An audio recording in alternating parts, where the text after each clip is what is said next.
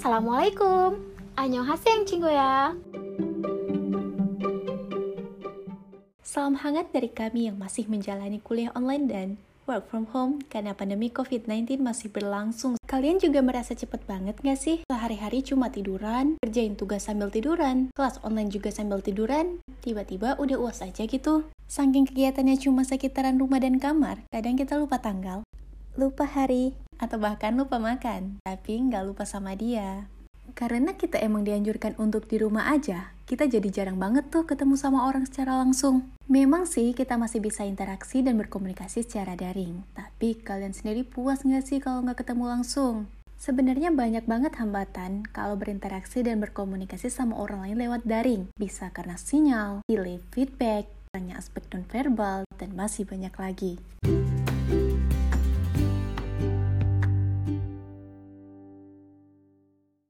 Nggak sih kalian ngerasain cemas yang berlebihan? Mungkin bisa jadi kalian ngerasain di saat nunggu hasil ujian, atau ngelamar pekerjaan, atau bahkan bisa jadi di saat mau ketemu calon mertua, pasti di situ hati kita jedak jeduk ya kan? Kayak kalian lagi dipandang doi gitu loh. nah, buat yang pernah dan pengen tahu kenapa, tetap bareng aku ya sampai selesai.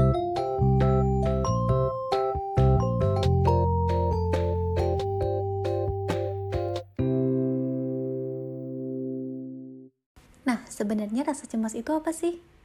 Rasa cemas itu adalah emosi yang ditandai oleh rasa takut, kewaspadaan terhadap masa depan kita.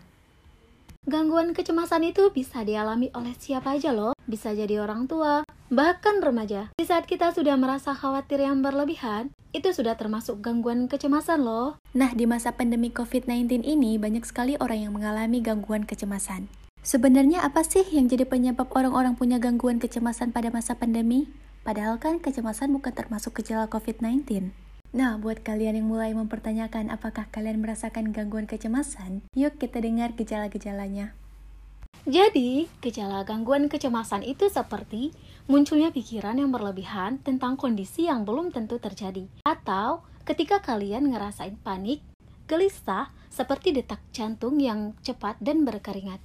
Banyak yang menderita kecemasan berlebih akibat dari membaca berita atau informasi tentang COVID-19 secara terus-menerus, sehingga membuat otak kita jadi overthinking.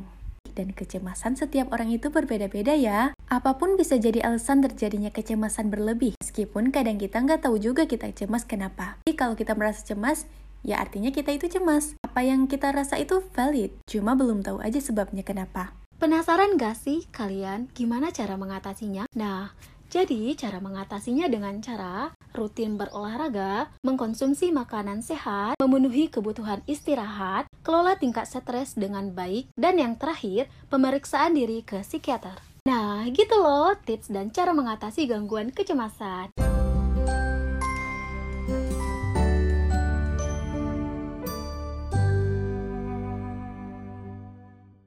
Jadi, jangan terlalu cemas untuk satu hal yang belum tentu terjadi ya guys. And jangan sering berpikir negatif ya guys. Bye, see you next time. Assalamualaikum. Kamsahamnida.